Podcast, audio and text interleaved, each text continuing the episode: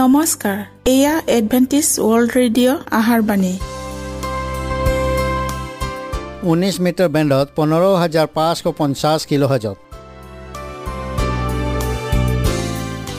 Adventist world radio যোগে অসমীয়া ভাষাত প্ৰচাৰিত আহাৰবাণী প্ৰত্যেক বুধবাৰ আৰু দেওবাৰ সন্ধিয়া সাত বজাত আহাৰবাণী শুনাৰ পিছত আপোনালোকৰ কিবা মন্তব্য আৰু প্ৰশ্ন থাকিলে আমালৈ এই ঠিকনাত লিখক। আমাৰ ঠিকনাটি হৈছে Adventist World Radio' seven day Adventist মণ্ডলী অসম শাখা লতাকাটা বশিষ্ট গুৱাহাটী সাত আঠ এক শূন্য দুই ন।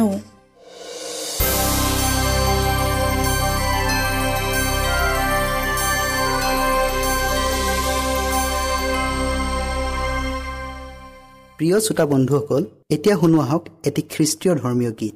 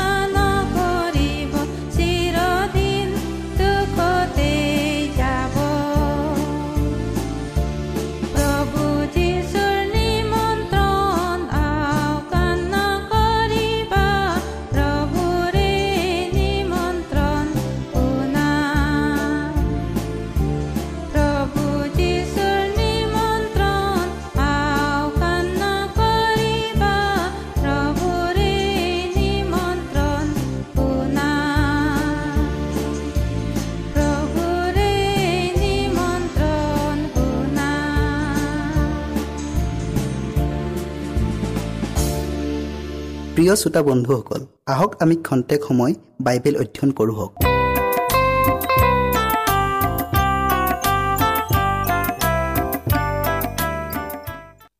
দানিয়েলে প্ৰথমতে খণ্ড বিখণ্ড হোৱা ৰোম ৰাজ্যৰ পৰা এটা সৰু শিঙৰ প্ৰতীকেৰে নতুন শক্তি আৰু দ্বিতীয়তে ঈশ্বৰে তেওঁৰ ৰাজ্য স্থাপন কৰাৰ পূৰ্বেই বিচাৰ যি বিচাৰত ঈশ্বৰে সেই সৰু শিংটোৰ বিৰুদ্ধে আৰু তেওঁৰ বিশ্বাসীবিলাকৰ প্ৰতি লোৱা শেষ সিদ্ধান্ত নিশ্চিত হ'ব। শাস্ত্ৰৰ ভাৱবাণীৰ সাংকেতিক চিনবোৰ ব্যৱহাৰ কৰিছে এক দুই পদত। তিনি পদত সমুদ্ৰৰ পৰা বেলেগ বেলেগ আকাৰৰ চাৰিটা বৃহৎ জন্তু ওলাই অহাৰ বৰ্ণনা দি চাৰিপদত সিংহৰ নিচিনা প্ৰথম জন্তু এটা ওলাই অহা বুলি কৈছে। যি জন্তুটোৱে বাবিল সাম্ৰাজ্যক বুজায় পাঁচ পদত যি এটা ভালুকৰ কথা কৈছে সেই ভালুকটোৱে মাদীয় পাৰস্য সাম্ৰাজ্যক বুজায়। তাৰ মুখৰ দাঁতৰ মাজৰ তিনিডাল কামিহাৰে তিনিখন সৰু সৰু ৰাজ্যক বুজাইছে যেনে বেবিলন পাঁচশ ঊনচল্লিছ খ্ৰীষ্টপূৰ্বত লিবিয়া পাঁচশ সাতচল্লিছ খ্ৰীষ্টপূৰ্বত আৰু ইজিপ্ত পাঁচশ পঁচিছ খ্ৰীষ্টপূৰ্বত অৰ্থাৎ বশ্যতা স্বীকাৰ নকৰা এই তিনিখন ৰাজ্যক বাইছ বছৰৰ ভিতৰত মাদীয় পাৰস্য ৰাজশক্তিয়ে সম্পূৰ্ণৰূপে ধ্বংস কৰিলে। ছয় পদত দৰ্শনত চাৰিখন ডেউকা আৰু চাৰিটা মূৰ থকা এটা নাহৰ ফুটুকী বাঘ দেখিলে। এই নাহৰ ফুটুকীয়া বাঘটোৱে আলেকজাণ্ডাৰৰ অধীনত থকা গ্ৰীচ সাম্ৰাজ্যক বুজাইছে। চাৰিটা মূৰে আলেকজাণ্ডাৰৰ চাৰিজন সেনাধ্যক্ষক বুজাইছে। তেওঁলোক হ'ল কেচেণ্ডাৰ এণ্টিগনাছ চেলুকছ আৰু প্ৰথম টলেমি।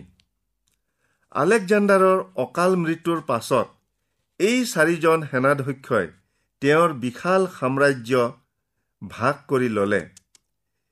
ইয়াৰ পাছত সাত পদত দানিয়েলে দৰ্শনত চতুৰ্থ এক বৃহৎ জন্তু দেখিলে। সেই জন্তুটো ভয়ংকৰ বলিষ্ঠ অতিশয় শক্তিমান আছিল। অকল সেয়ে জন্তুটোৰ বৰ্ণনা নহয় তাৰ লোহাৰ ডাঙৰ দাঁত আছিল। আৰু পূৰ্বৰ তিনিটা জন্তুতকৈ সি বেলেগ আছিল। তাৰ মূৰত দহোটা শিং আছিল। সেইবোৰৰ মাজৰ পৰা আৰু এটা সৰু শিং ওলাল। আৰু সেই সৰু শিংটো ওলাই পূৰ্বৰ তিনিটা শিং উঘালি পেলালে। সেই সৰু শিংটোৰ মানুহৰ নিচিনা চকু আৰু বৰ অহংকাৰেৰে কথা কোৱা এখন মুখ আছিল। এই অসাধাৰণ আৰু পূৰ্বৰ তিনিটা জন্তুতকৈ একেবাৰে বেলেগ জন্তুটো ৰোম সাম্ৰাজ্যক বুজাইছে। আৰু দহোটা শিঙেই ইয়াৰ পৰা উৎপন্ন হোৱা দহখন ৰাজ্য বা ৰজা। আঠ পদত দানিয়েলে চতুৰ্থ ৰাজ্যখনৰ দুটা বিশেষ ভাগ থকা দেখুৱাইছে। প্ৰথম ভাগত বুৰঞ্জীবিদসকলে এই কথাত একমত হয় যে তেতিয়াৰ সমগ্ৰ পৃথিৱী শাসন কৰা চতুৰ্থ শক্তি আছিল দেৱপূজক বা বিধৰ্মী ৰোম। দ্বিতীয় ভাগত দানিয়েলে প্ৰতীকেৰে দেখুওৱা সৰু সিংটো ৰুমিয়া মণ্ডলীৰ পৰাক্ৰমৰ বিষয়ে বৰ্ণনা কৰিছে। এতিয়া উল্লেখ কৰা সৰু শিংটোৰ বিষয়ে কি কৈছে আলোচনা কৰোঁ হওক। দানিয়েলে সৰু শিংটোৰ চিনাক্তকৰণৰ অৰ্থে সাতটা বিশেষ গুণ বা লক্ষণ এনে স্পষ্টকৈ বৰ্ণনা কৰিছে যে খ্ৰীষ্টীয় যুগৰ ইউৰোপীয় ইতিহাসত ইয়াৰ সবিশেষ প্ৰমাণ পোৱা যায়। সৰু শিংটোৰ স্থান খণ্ড বিখণ্ড হোৱা দখন ৰোম ৰাজ্যৰ মাজৰ পৰাই সৰু শিংটো উৎপন্ন হ'ব। উত্থানৰ সময় ৰোম সাম্ৰাজ্য ভগ্ন হোৱাৰ পঞ্চম শতিকাত ইয়াৰ উত্থান হ'ব। সৰু শিংটোৱে তাৰ শক্তিৰে পূৰ্বৰ দহোটা শিঙৰ তিনিডাল শিং উঘালি পেলাব। খ্ৰীষ্টীয়ৰ ঈশ্বৰত্ব অস্বীকাৰ কৰি এৰিয়াছৰ মত পোষণ কৰা ৰোম সাম্ৰাজ্যৰে তিনিখন বৰ্বৰ জাতিৰ ৰাজ্য আছিল। আন আটাই বৰ্বৰ জাতিৰ ৰাজ্যসমূহে গোড়া খ্ৰীষ্টীয় ধৰ্মমত গ্ৰহণ কৰিলে। কিন্তু চাৰিশ ছয়ষষ্ঠি খ্ৰীষ্টাব্দৰ পৰা এই তিনিটা বৰ্বৰ জাতিয়ে ৰোমৰ বশ্যতা স্বীকাৰ নকৰি ৰোমৰ তিনিটা সৰু সৰু অংশত অধিকাৰ চলাই আছিল। পাঁচশ তেত্ৰিছ খ্ৰীষ্টাব্দত ৰোমৰ সম্ৰাট জাষ্টিনিয়ানে আৰু সৰ্বশেষত পাঁচশ আঠত্ৰিছ খ্ৰীষ্টাব্দত তেওঁৰেই এজন প্ৰধান সেনাধ্যক্ষ বেলিচেৰিয়াছ অধীনত তিনিটা ক্ষুদ্ৰ ৰাজ্যৰ শেষ ক্ষুদ্ৰ ৰাজ্য অস্ত্ৰগত সম্পূৰ্ণৰূপে ধ্বংস হয়। আৰু তেতিয়াৰে পৰা ৰোমৰ পূপক সৰ্বতোভাৱে গীৰ্জাৰ ওপৰত অধিকাৰ চলাবৰ বাবে সামাজিকভাৱে কৰ্তৃত্ব প্ৰদান কৰা হ'ল। এই তিনিখন বৰ্বৰ ৰাজ্যৰ নাম আছিল হাৰুলাই পতন হ'ল চাৰিশ তিৰানব্বৈ খ্ৰীষ্টাব্দত ভাণ্ডালছ পতন হ'ল পাঁচশ চৌত্ৰিছ খ্ৰীষ্টাব্দত আৰু অস্ত্ৰগত পতন হ'ল চাৰিশ আঠত্ৰিছ খ্ৰীষ্টাব্দত। আন আন শিংবোৰৰ সৈতে তুলনা কৰিলে সৰু শিংটোৰ যথেষ্ট পাৰ্থক্য দেখা গৈছিল। ই অতিশয় বলৱান আৰু ভয়ংকৰ আছিল। ধৰ্মীয় নীতি আৰু ৰাজনীতি একত্ৰিত কৰি ৰাজশাসনৰ ব্যৱস্থা কৰিছিল। ঈশ্বৰৰ প্ৰতি মনোভাৱ। সৰু শিংটোৱে ঈশ্বৰ বিৰোধী অহংকাৰী কথাবোৰ ক'ব। ঈশ্বৰৰ বিধানৰ প্ৰতি মনোভাৱ। ঈশ্বৰৰ বিধান সলনি কৰাৰ আৱশ্যক বোধ কৰিব। নিজ ক্ষমতাৰে ঈশ্বৰৰ স্থাপিত দিনবোৰ সাল সলনি কৰি নিজৰ প্ৰভুত্ব বিস্তাৰ কৰিব। আৰু সঁচাকৈ ঈশ্বৰৰ আশীৰ্বাদ আৰু পবিত্ৰ কৰা সপ্তমদিনীয়া বিশ্ৰামবাৰক দেওবাৰলৈ সলনি কৰি নিজৰ ক্ষমতাৰ পৰিচয় দিলে। ঈশ্বৰৰ লোকবিলাকৰ প্ৰতি মনোভাৱ। পুপীয় ধৰ্মমত আৰু ক্ষমতাৰ বাধ্যতা স্বীকাৰ নকৰাজনৰ মৃত্যু অনিবাৰ্য। বুৰঞ্জী লিখকসকলে সাক্ষ্য দিছে যে ৰোমিঅ' মণ্ডলীয়ে ৰাজনীতি আৰু ধৰ্মীয় নীতিৰ ব্যৱস্থাৰে লাখ লাখ নিৰীহ পুৰুষ আৰু তিৰোতাক নিৰ্মমভাৱে মৃত্যুদণ্ড বিহিছিল। পোন্ধৰশ বিছ খ্ৰীষ্টাব্দত পূব দশম লিওৱে পূপৰ হুকুমনামাৰে মাৰ্টিন লুথাৰকো ধৰ্মবিৰোধী বুলি দোষী সাব্যস্ত কৰিলে। ক্ষমতা প্ৰয়োগৰ কাল। সেই সৰু শিংটোৱে এক কাল দুই কাল আৰু আধা কাললৈকে ৰাজ্য শাসন কৰিব। প্ৰতীকস্বৰূপ সময়খিনিৰ ব্যাখ্যা প্ৰকাশিত বাক্যৰ ভাৱবাণীটো একেভাৱে পোৱা যায়। ইয়াৰ দ্বাৰাই আমি জানো যে এক কালৰ সময় তিনিশ ষাঠি দিন। কিয়নো এদিনেই এবছৰ গতিকে এক কাল দুই কাল আৰু আধা কালৰ সময় হ'ল এক হাজাৰ দুশ ষাঠি দিন বা বছৰ। এতেকে বেলিচেৰিয়াছে ৰোমৰ শেষ বৰ্বৰ এৰিয়াছ ৰাজ্যৰ অস্থগ্ৰথক পাঁচশ আঠত্ৰিছ খ্ৰীষ্টাব্দত পতন ঘটোৱাৰ বছৰৰ পৰাই আৰম্ভ কৰি এক হাজাৰ দুশ ষাঠি বছৰ সঠিকভাৱে সোতৰশ আঠানব্বৈ খ্ৰীষ্টাব্দত সম্পূৰ্ণ হৈছে। কিয়নো এই বছৰতেই ফ্ৰান্সৰ সেনাপতি বাৰ্থিয়াৰে ৰোমৰ পূব বন্দী হয় আৰু তাৰ ভালেমান বছৰৰ পাছলৈকে ৰোমৰ গীৰ্জাৰ প্ৰাধান্য নাছিল বুলিয়েই ক'ব পাৰি। কাৰণ প্ৰকাশিত বাক্যৰ তেৰ অধ্যায় তিনি পদত এই সম্বন্ধে এটি নিষ্ঠুৰ ভাৱবাণী আছে।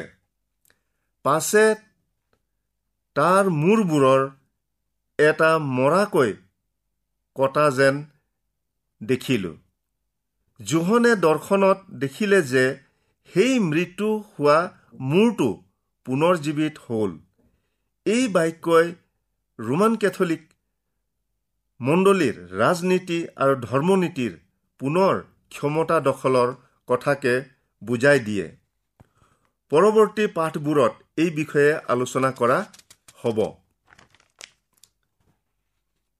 দানিয়েলে সপোনত দেখাৰ দৰে দুটা স্তৰত এটা বিচাৰৰ দৃশ্যৰ পাছতেই সৰু শিংটো দেখা গ'ল।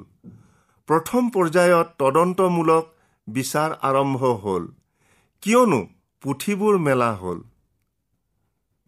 আৰু এই সময়ত মানুহৰ পুত্ৰৰ নিচিনা বা খ্ৰীষ্টীয় সেই অনাদিকালৰ বৃদ্ধজনাৰ ওচৰত থিয় দি আছিল আমি পাওঁ যে খ্ৰীষ্টীয় স্বৰ্গাৰোহণৰ পাছত মানুহৰ মহাপুৰোহিত হৈ স্বৰ্গত পিতৃ ঈশ্বৰৰ আগত নিবেদন কৰি আছে। কিন্তু এতিয়া এই দৃশ্যত তেওঁক অন্য এক ৰূপতহে দেখা গৈছে। তেওঁ পিতৃ ঈশ্বৰৰ ওচৰলৈ আহিছে তেওঁৰ ৰাজ্য পাবৰ কাৰণে। ইয়াক খ্ৰীষ্টক পৃথিৱীলৈ অহা দেখুওৱা নাই। বৰং তেওঁ ৰাজ্য পাবৰ কাৰণে তেওঁৰ পিতৃৰ ওচৰলৈ আহিছে। এই কথাটিলৈ মন কৰক। খ্ৰীষ্টৰ এই কৰ্ম সেই সৰু শিংটোৱে তাৰ প্ৰকৃত ৰূপ প্ৰকাশ কৰাৰ অলপ পাছতেই কিন্তু সম্পূৰ্ণ ধ্বংস হোৱাৰ আগেয়ে ঘটিছিল। ইয়াৰ দ্বাৰাই জনা যায় যে খ্ৰীষ্টীয়ৰ দ্বিতীয় আগমনৰ পূৰ্বেই এই বিচাৰ সভা বহিছে। কিয়নো এক বৃহৎ সংখ্যক স্বৰ্গীয় বাহিনীয়ে তেওঁৰ বিচাৰ সিংহাসন আগুৰি আছিল আৰু তেওঁৰ অনন্তকলীয়া ৰাজ্যত কোনে কোনে থাকিব পিতৃৰ আগত নিবেদন কৰিছে।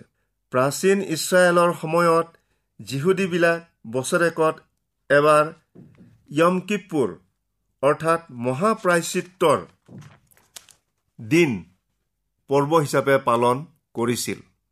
সাধাৰণ পুৰোহিতবিলাকে প্ৰত্যেক দিনেই আৱাস তম্বুৰ প্ৰথম কোঠালীৰ পবিত্ৰ স্থানত মানুহবিলাকৰ হৈ ঈশ্বৰৰ আগত মধ্যস্থতা কৰিছিল। কিন্তু এই বিশেষ দিনটোত কেৱল মহাপুৰুষেহে গোটেই আৱাস তম্বু সূচী কৰিছিল। মূলত গোটেই বছৰৰ পালনীয় ধৰ্মীয় বিধিৰ নীতি নিয়মৰ সামৰণি মাৰি পুনৰাই নতুনকৈ ধৰ্মীয় বিধি আৰম্ভ কৰাই এই সূচীকৰণৰ উদ্দেশ্য আছিল। আৱাহ তম্বু সূচী কৰা সময়ত যি যিহুদীবিলাকে নিজ নিজ পাপৰ কাৰণে অনুতাপ কৰিছিল। সেইবিলাককো সূচী বুলি গণ্য কৰা হৈছিল। কিন্তু যিবিলাকে তেতিয়াও নিজ নিজ মন কঠিন কৰি ৰাখিছিল তেওঁবিলাকৰ নাম ঈশ্বৰৰ লোকৰ পৰা বাদ দিয়া হৈছিল। যিহুদী পুৰোহিতৰ এই ধৰ্মীয় কাৰ্যই স্বৰ্গীয় ধৰ্মধামত খ্ৰীষ্টীয়ই আমাৰ নিমিত্তে কৰা কাৰ্যক আঙুলিয়াই দেখুৱাই দিয়ে।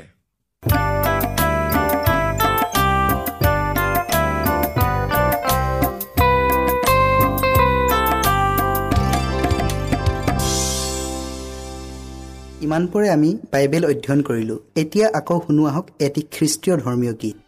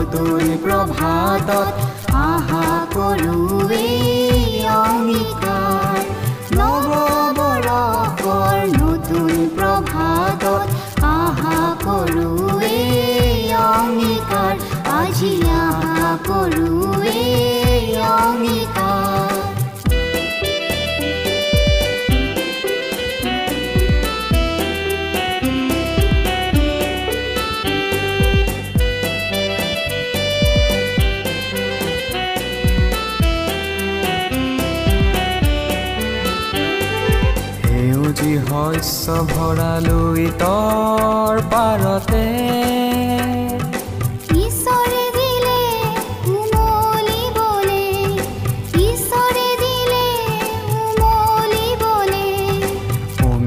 মাধুৰী সানি প্ৰেমৰ বাণীৰে।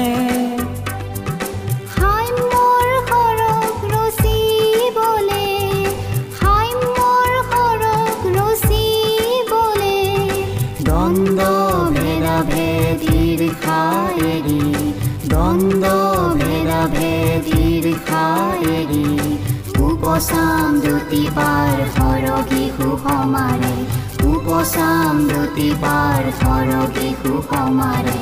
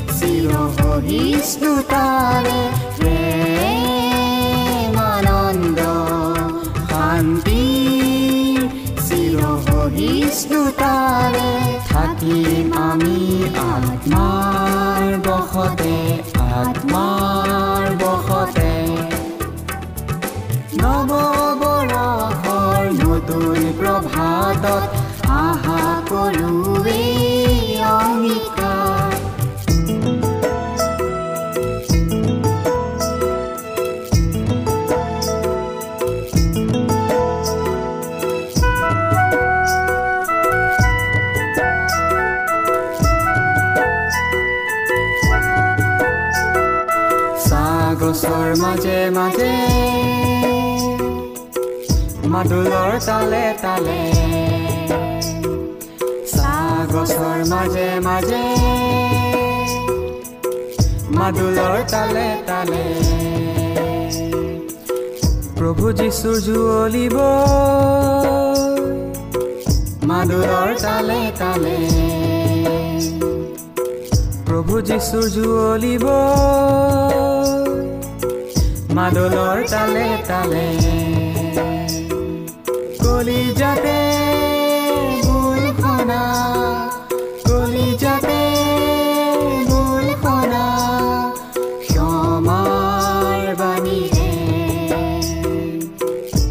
시장 산디 비치다야 때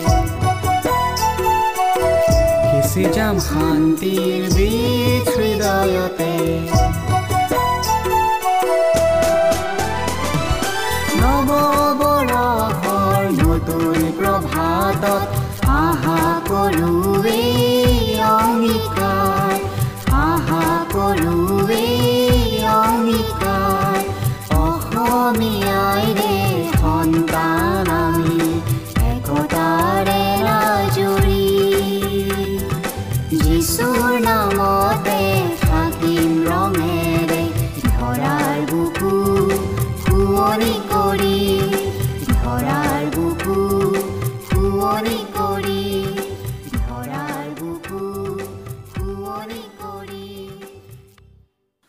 মনত ৰাখিব আমাৰ ঠিকনাটি পুনৰ কৈ দিছোঁ। Adventist World Radio' Assam region of seven day Adventist voice of hope Lotakata Basistha Guwahati seven eight one zero' two nine প্ৰিয় শ্ৰোতা বন্ধুসকল এডভেণ্টিজ ৱৰ্ল্ড ৰেডিঅ' যোগে আহাৰবাণী প্ৰচাৰত আপোনালোকক পুনৰ লগ পোৱাৰ আহাৰে আজিলৈ সামৰিলোঁ। ধন্যবাদ।